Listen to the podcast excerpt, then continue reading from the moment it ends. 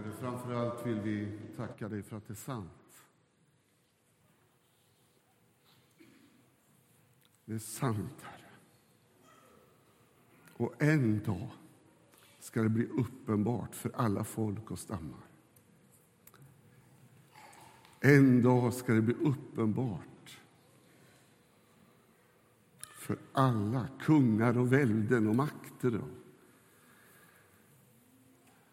upphöjda sammanslutningar på den här jorden. En dag ska det uppenbaras helt och fullt att det är sant. Halleluja.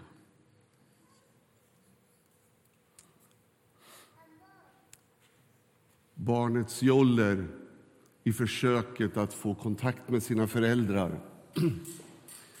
Trädets, trädet som sträcker sig emot eh, varma vårsolen eller bergens formationer ytterst i havet. Ja, allt det här berättar berättar om skapelsens längtan efter den som en gång skapade. Hela skapelsen längtar efter sin befrielse. Paulus skriver om det här i ett av sina huvudtexter i Romarbrevets åttonde kapitel. Allt skapat har lagts under tomhetens välde inte av egen vilja, utan på grund av honom som vållade det. Men med hopp om att också skapelsen ska befrias ur sitt slaveri under förgängelse och nå den frihet som Guds barn får när de förhärligas. Vi vet att hela skapelsen ännu ropar som i födslovånda. Och till och med vi som har fått Anden som en första gåva, också vi ropar i vår väntan på att Gud ska ge, göra oss till söner och befria vår kropp. Jag tänker fånga den här predikan i två ord. Försmak och framtid. Försmak väcker associationer hos mig. En del av er vet att jag har restaurangbakgrund. Och försmak för mig det är en avsmakningsmeny med minst fem till sju rätter. Det kan vara nio också. Och jag har ätit såna här menyer ibland. Och det är fantastiskt. Det väcker liksom det yttersta av smaksensationerna på tungan. Bland annat så har jag smakat av en sån här meny hos Melker Andersson, en av stjärnkockarna i Stockholm. Ehm, det finns i stort sett inga tv-serier som kan fånga mig. Pu tycker en del. Skönt, tycker jag. Men det finns en enda serie som kommer tillbaka med jämna mellanrum, och det är Kockarnas kamp. Inte bara därför deras vassa knivar, utan deras exceptionella skicklighet. Dessa stjärnkockar som trancherar med förbundna ögon eller styckar med exakt precision när de styckar kyckling eller hummer. Ah, vilka grejer! De, det utspelar sig på en vacker Skånegård i, eh, i Skånes öppna landskap. Det är en fantastisk serie att följa. Det andra ordet det är framtid. På samma sätt som jag associerar till avsmakningsmeny så associerar jag till en Nobelmiddag, en Nobelbankett. Eh, och då är det Stefano Catenacci som är i fokus. Eller hur? Ni är ju kompis med honom allihop, hoppas jag. Hovtraktören som, som eh, introducerades genom sin pappa så, så blev den familjen, den första italienska familjen som tog över Operakällaren i Stockholm. Och det gick mycket rykten om vad det skulle bli av Operakällaren. Idag så har den större status än någon gång tidigare. Och Stefano Catenacci har varit med och utformat flera Nobelbanketter. Och varje år så arrangerar han en Nobelmiddag för, för de initierade gästerna och kungahuset. Det är fantastiskt att se honom agera. Vi ska läsa två texter i relation till de här två orden försmak och framtid. Den första texten hämtar vi i Johannesevangeliets fjärde kapitel där Jesus samtalar med en samarisk kvinna. Och vi kommer in mitt i dramat i vers 19, Johannes evangeliets fjärde kapitel. Kvinnan sa, Herre, jag ser att du är en profet. Våra fäder har tillbett Gud på det här berget men ni säger att platsen där man ska tillbe honom finns i Jerusalem.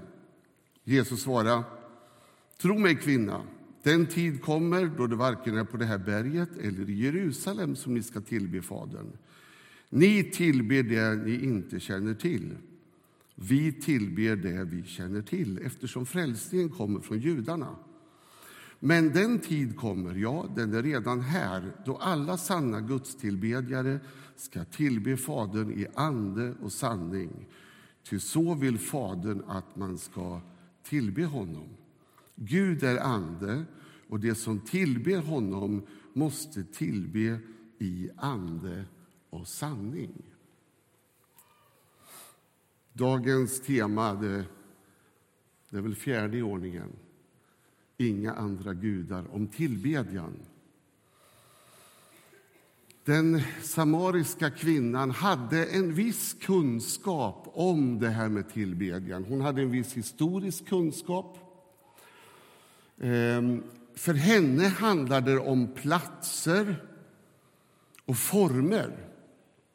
Bergen och Jerusalem.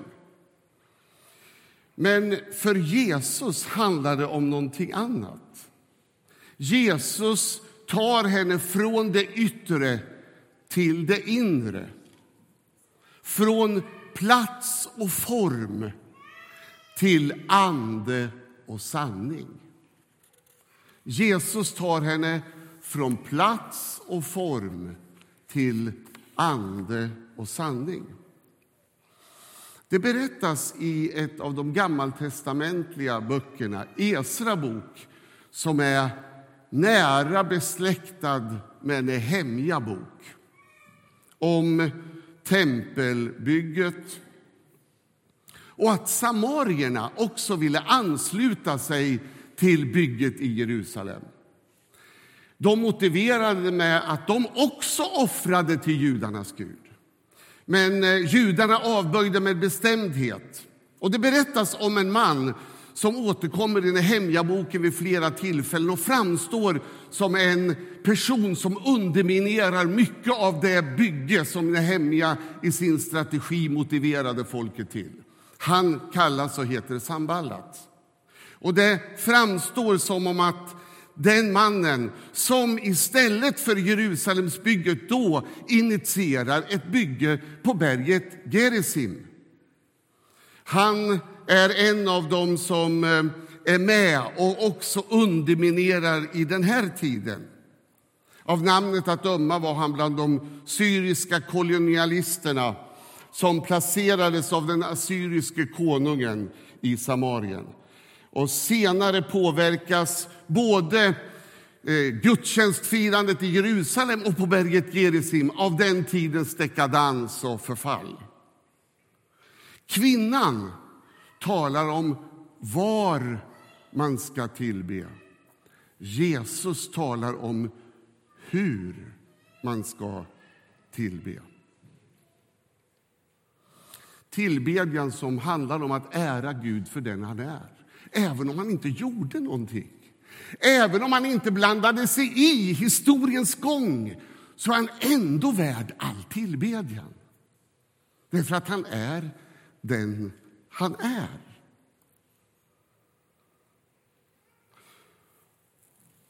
Men Jesus talar här i texten med den samariska kvinnan om att det handlar inte om det yttre, det handlar inte om beteenden, det handlar inte om formspråk. Det handlar om att förenas med Gud i en ande. Men hur kan Bibeln tala på det här sättet? Jo, Bibelns människosyn är inte tvådimensionell. För dig som inte är van bibelläsare så kan jag berätta att Bibeln talar om kroppen som någonting som vi kan helga och ställa i hans tjänst. Bibeln talar också om själens värde och betydelse. Men Bibeln talar också om ande, vårt gudsmedvetande. Precis som det finns ett du-medvetande och ett jag-medvetande så finns det också ett gudsmedvetande. Och Jesus tar kvinnan in i en dimension där man förenas med Gud i en ande. Det är på ett plan, på ett liknande sätt som när två människor förenas i den sexuella akten så intimt så man vet inte riktigt vart man börjar eller slutar. Så är det i föreningen med Gud. Det är något vackert när man förenas med Gud. Och därför kan vi kallas Guds söner. Vilket språk! Det handlar om att förenas med Gud själv i Jesus Kristus. Livet med Gud är nämligen inte ett system. Livet med Gud är inte ett beteende, är inte en sångstrof eller en metod. Livet med Gud är ett mysterium.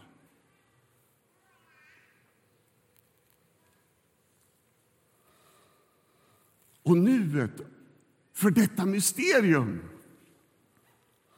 som gör att min hönshjärna svindlar. När jag har läst de här texterna den här veckan så bara svindlar det i min hjärna. Och jag tänker att nuet med min vandring med Gud idag bara är en försmak. Även om det är vassare än mötet med Melker Anderssons förmåga att väcka upp mina smaklökar så är det bara en försmak av det jag en gång ska få vara med om. I Guds närhet. Och Då går vi till den andra texten där vi ska läsa ett kapitel. Det är inget långt kapitel. Vi ska slå upp Uppenbarelseboken 4. Vi slår upp Uppenbarelseboken 4 och vi ska läsa det kapitlet, 11 versar.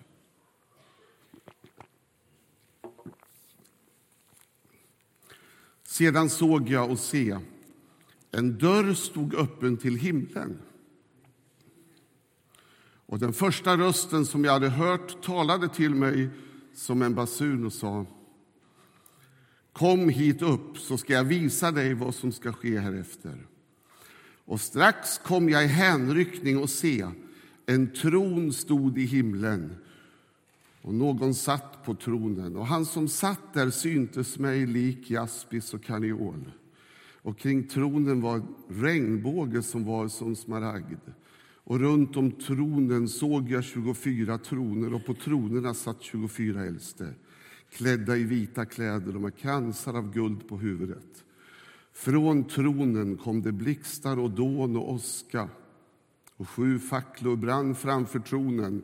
Det är Guds sju andar. Och framför tronen låg liksom ett hav av glas, som av kristall.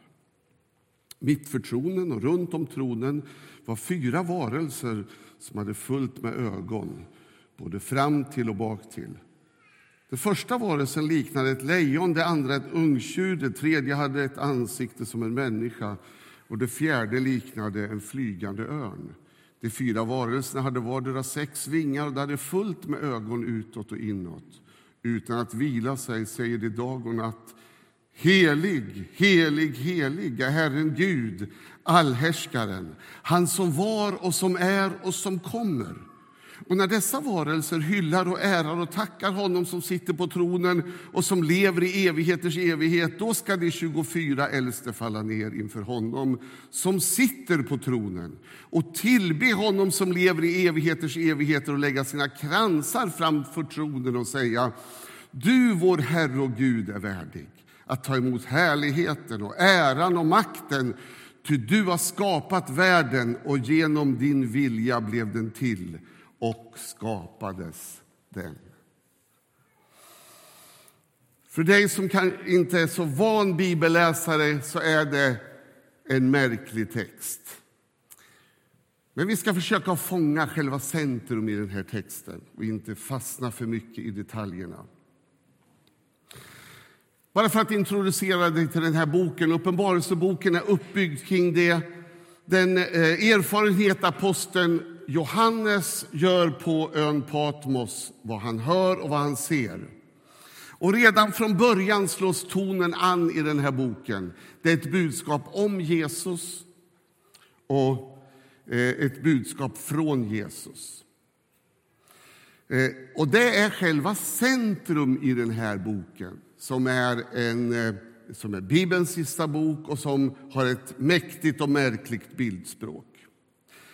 Eh, Johannes hör en stark röst och tar emot en uppmaning först att skicka sju stycken brev till sju konkreta församlingar i mindre Asien. Och när han hör den här rösten och uppmaningen så vänder han sig om för att se vem det är som ger honom uppmaningen. Och när han vänder sig om så får han en beskrivning framför sig som en Kristusgestalt. Och den är så mäktig att han faller ner på sina fötter. Det handlar om liv och död. Det här är inte en liten novell och en liten story i största allmänhet. den här boken. Det här är en bok som handlar om liv och död, nutid och framtid. Och Det handlar om att världen är i Guds vågskål. Och sen får han vara med om hur en dörr till himlen öppnas. Och från den punkten så ser han in i någonting som han inte har blivit medveten eller varit medveten om tidigare. Längre fram i Uppenbarelseboken, i det 19 kapitlet, så berättas det om att himlen öppnas. Och i och med att himlen öppnas så träder en gestalt fram som kallas trovärdig och sann. Det är en mäktig Kristusgestalt när han får se hela himlen liksom öppna sig för honom.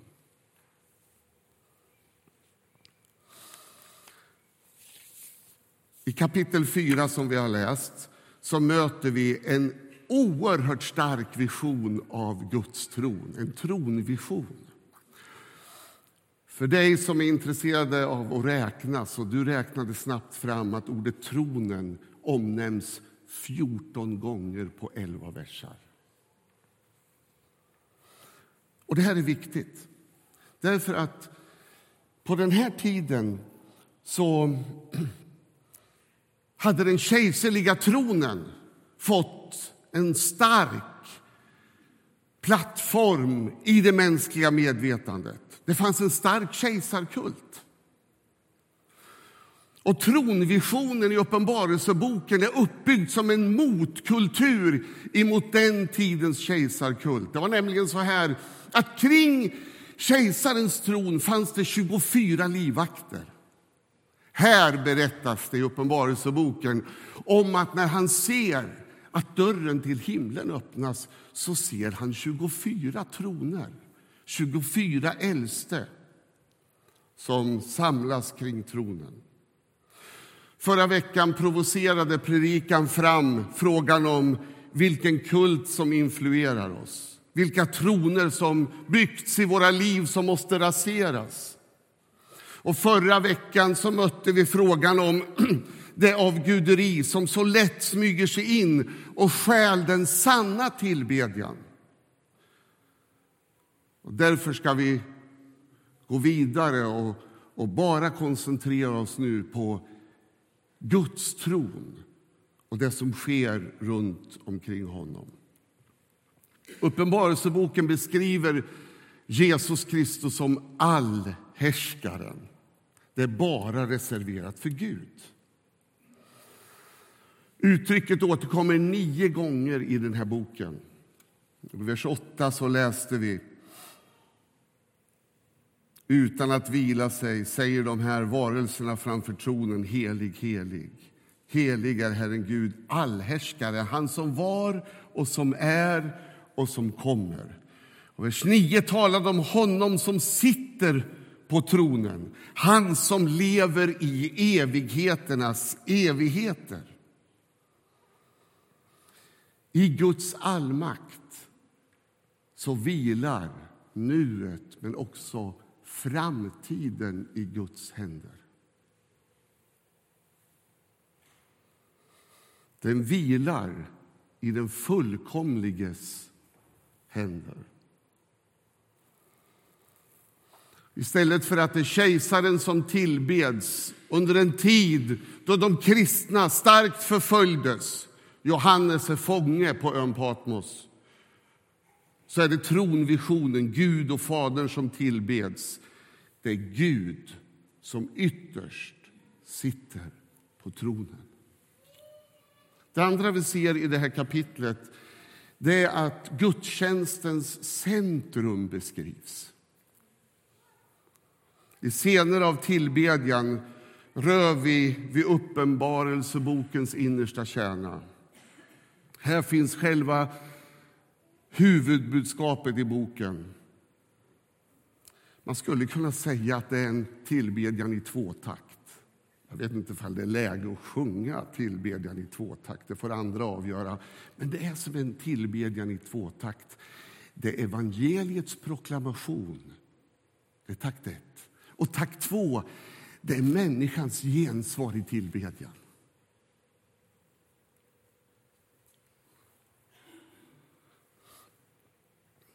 Tonen av tillbedjan vill förnya och fördjupa gudstjänstens liv och gemenskap. Gudstjänst är precis vad ordet beskriver. Tjänst inför Gud. Det är gudstjänst. Och Det är det som Uppenbarelseboken 4 beskriver. Det berättas om att den här erfarenheten gör Johannes på Herrens dag. Och Det ger mig en rad associationer. När församlingen i mindre Asien på Herrens dag firar gudstjänst då kommer Johannes, fången, i hänryckning, står det. Och han ser troner och den här boken beskriver rökelse, rökelsealtare och lampställ. Han hör underbar musik från harper och änglakörer. Änglar, keruber och människor faller ner på marken inför tronen. De himmelska trumpeterna ljuder.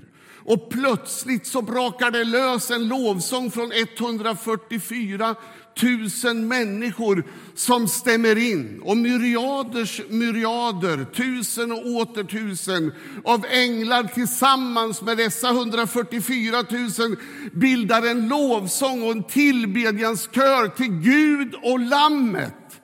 Det sjungs och bekänns och gläds för evigt och evigt inför Gud.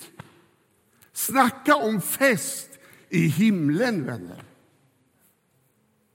Där ska det inte finnas någon sorg, inga tårar, ingen smärta, ingen bedrövelse, inga begravningar, ingen skilsmässa.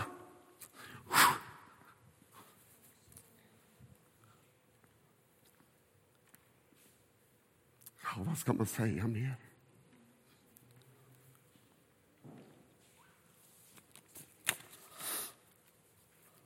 Avslutningsvis.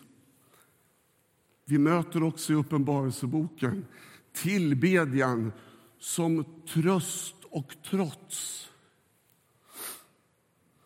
Vid den första anblicken kan tillbedjan verka inåtvänt och världsfrånvänt. Vi kan fråga oss varför kristna i alla tider som är utsatta som fängslas, som leder martyrdöden, praktiserar tillbedjan och uppmanas att tillbe.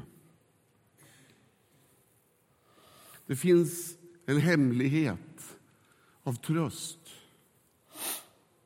Men också trots emot den mänskliga övermakten. Uppenbarelseboken vill orientera oss och den kristna församlingen åt rätt håll. Genom rätt fokus i tillvaron får vi fokus, tröst, hopp och mod. När de troende ser in bakom historiens kulisser och ser vem som är allhärskaren, då fattar vi mod. När vi ser in, när vi får se bara en aning av de dimensioner Johannes på Patmos rörde sig i, då får vi nytt mod. Då väcks vårt hopp. Då fylls vi av glädje och då sprängs våra referensramar. Tillbedjan är inte en verklighetsflykt. Det är att erkänna verkligheten både om Gud och om människan. Tillbedjan är inte en verklighetsflykt. Det är att erkänna verkligheten om Gud och om människan. Det är att erkänna vem som är värd all makt, värdighet och härlighet. Därför att i samma andetag som Gud tillskrivs makten och äran och härligheten och suveräniteten i historien så avsäger människan sig sina egna maktanspråk i samma ögonblick som vi faller ner inför honom, skapelsens Herre, så avsäger vi oss våra egna maktanspråk. Frågan infinner sig igen som du har mött under den här predikoserien. Det är inte om vi tillber, utan vem vi tillber. Motbilden i Uppenbarelseboken är odjuret. Förfärlig personlighet. Men ytterst är tillbedjan en offentlig handling. När den kristna församlingen tillber Gud så är det en offentlig handling som får konsekvenser i det dagliga livet. Som får konsekvenser i vår vandring, som får konsekvenser också emellanåt på det politiska planen, på den politiska planen och arenan. Därför att Gud är allhärskaren. Han är den som sitter på tronen. Och idag inbjuds vi igen att frivilligt vara med om den försmak som bara är en liten pust av den framtid den kristna församlingen kommer att leva i tillsammans med Gud. Välkommen i Jesu namn till denna framtid.